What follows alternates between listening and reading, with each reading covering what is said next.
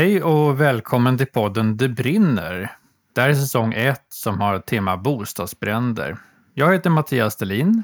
Och jag heter Caroline Bernelius Kronsjö. I det här avsnittet så pratar vi om kostnader på grund av bostadsbränder, vilket kanske är något högre än vad man skulle kunna tro. Med oss har vi Peter Södergren från Räddningstjänsten Storgöteborg. Hej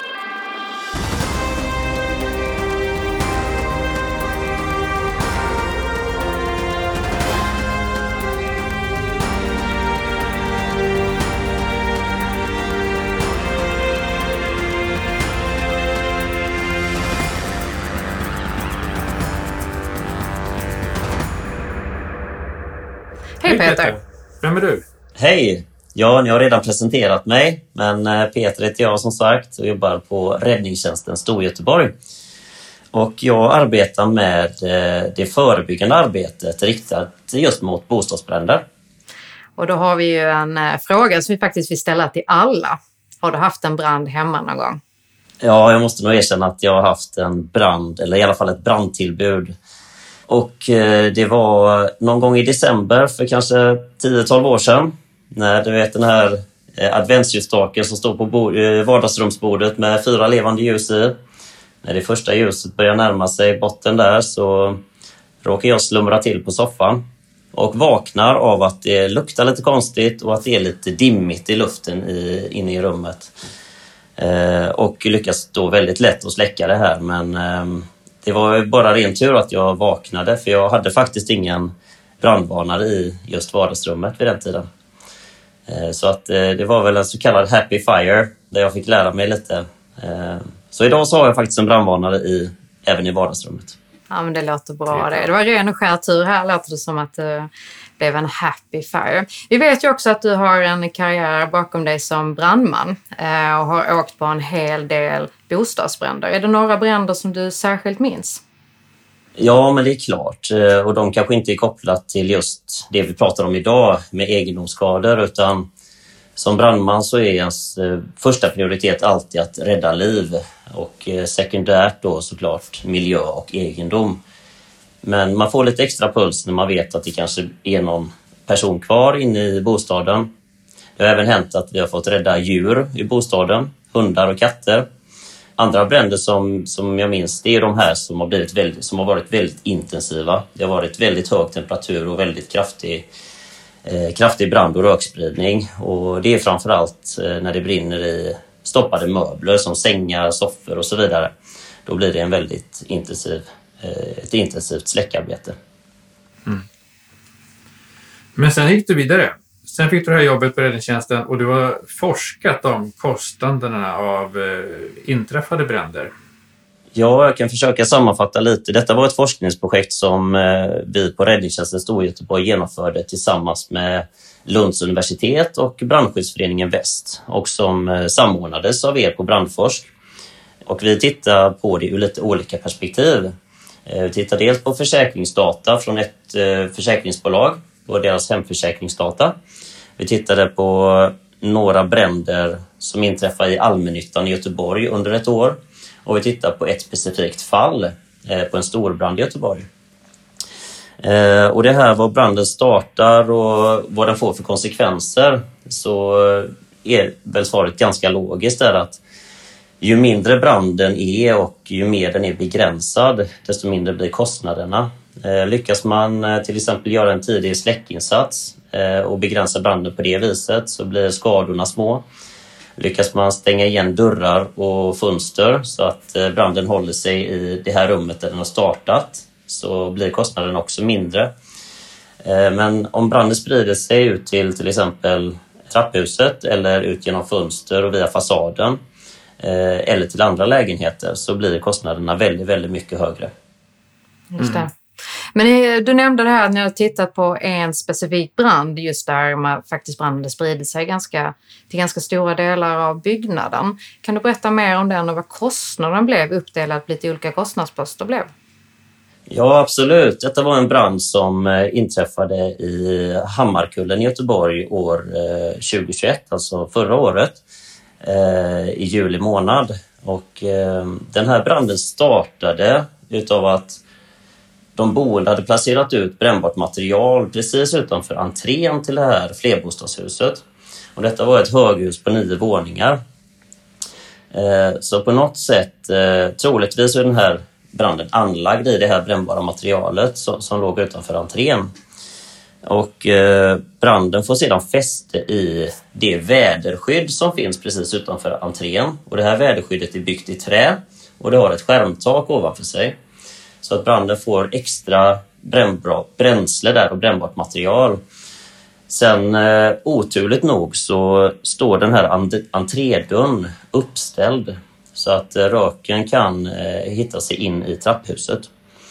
Och eh, precis innanför entrédörren i trapphuset så finns det ett eh, cykelförråd. Och det här cykelförrådet är inte avskilt på något eh, speciellt sätt med väggar och, och dörr utan det består av eh, vanliga gallerväggar.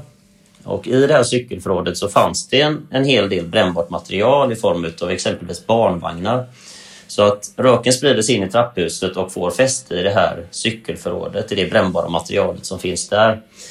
Eh, och detta leder till att hela trapphuset fylls med rök. Och detta var som sagt ett niovåningshus och eh, totalt så fanns det 24 lägenheter i det här trapphuset. Och längst upp i trapphuset här på plan 9 så står faktiskt en av lägenhetsdörrarna uppe så att röken letar sig in i den här lägenheten och branden sprider sig till den lägenheten längst upp. Vi får också en spridning till en lägenhet på plan 2 men det är lite oklart om den spridningen har skett via trapphuset eller om den har skett via fasaden och in via balkong och fönster. Men den här branden leder till väldigt, väldigt stora skador och alla de här 24 lägenheterna måste evakueras under reparations och saneringsarbetet.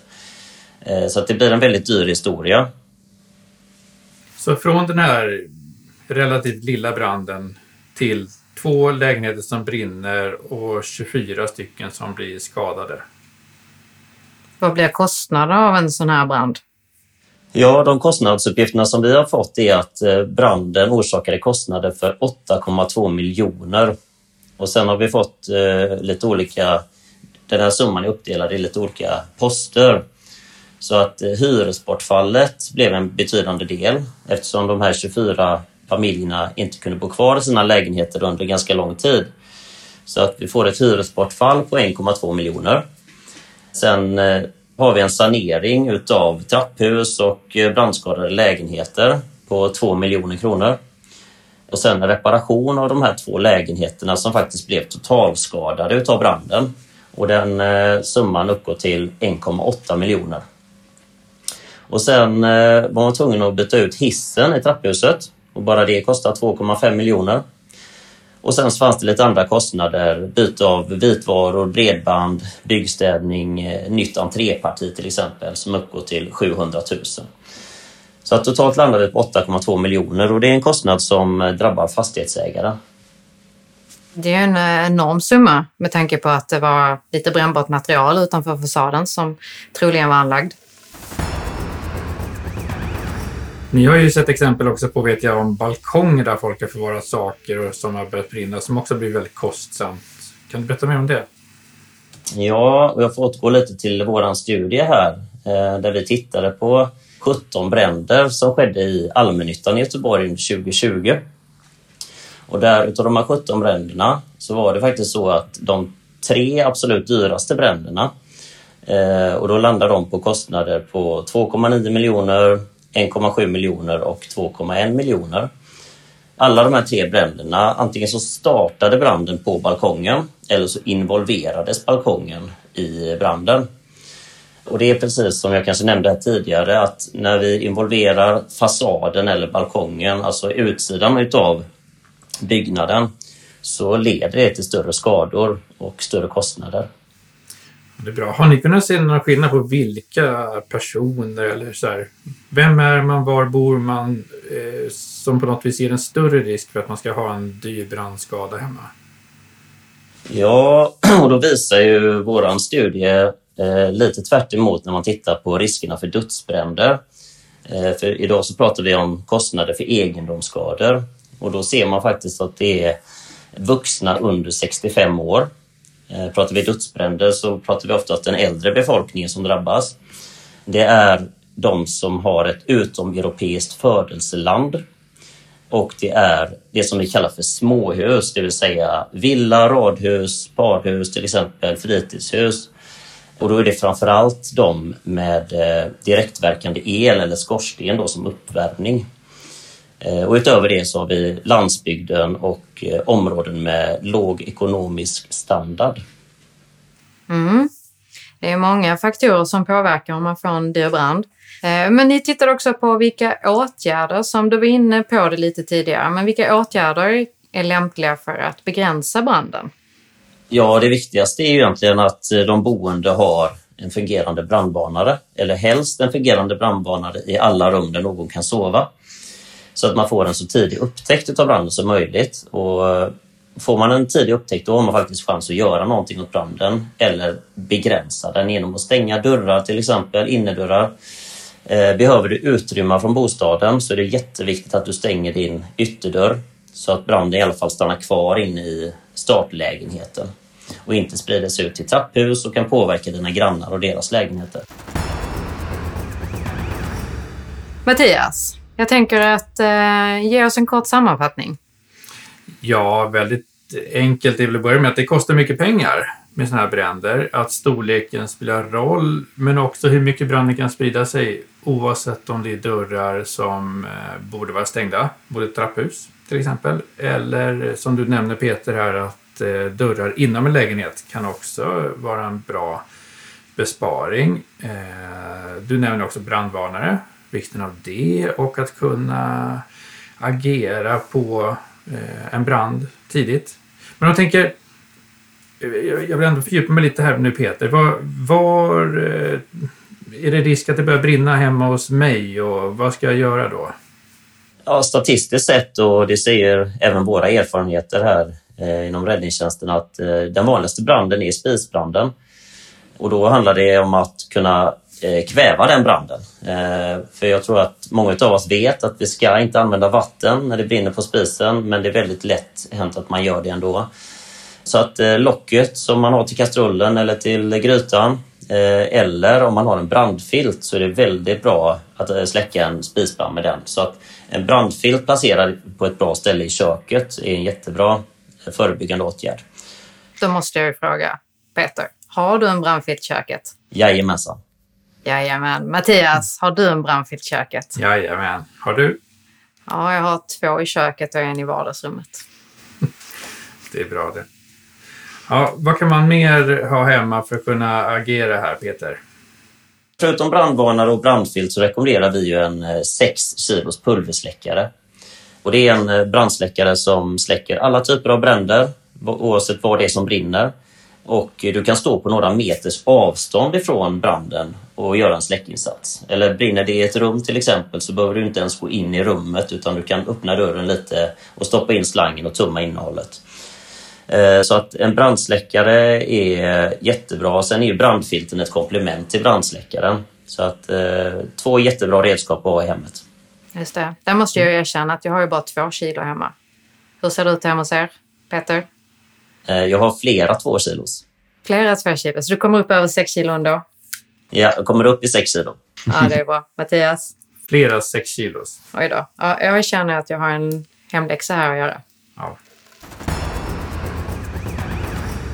Så sammanfattningsvis kan vi säga att, att eh, bränder, bostadsbränder kostar mycket pengar. Två miljarder om året är mycket pengar. Och trenden är att det fortsätter att öka de här kostnaderna.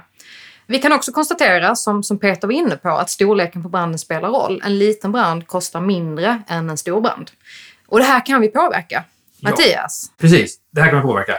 Eh, naturligtvis ha en brandvarnare. Eh, det rekommenderar vi alltid. Stäng dörrar både inom bostaden och emot trapphus. Det begränsar också skadans storlek. Och naturligtvis försök släcka branden om det går. Och sen såg ju Peter eh, tydliga exempel på att eh, man inte ska förvara brännbart material, till exempel på balkongen, längs fasaden, i trapphuset eller nära spisen. För det är också sånt som lätt leder till eh, mycket brandspridning och stora bränder. Du har lyssnat på Det brinner, en podd som vill lära dig mer om brandsäkerhet. Podden produceras av Brandforsk som arbetar för ett brandsäkert och hållbart samhälle byggt på kunskap. Du kan nå oss på brandforsk.se där du kan ställa frågor till oss och komma med förslag på frågor för oss att ta upp här i podden. Och du, till nästa gång, kom ihåg att testa din brandvarnare.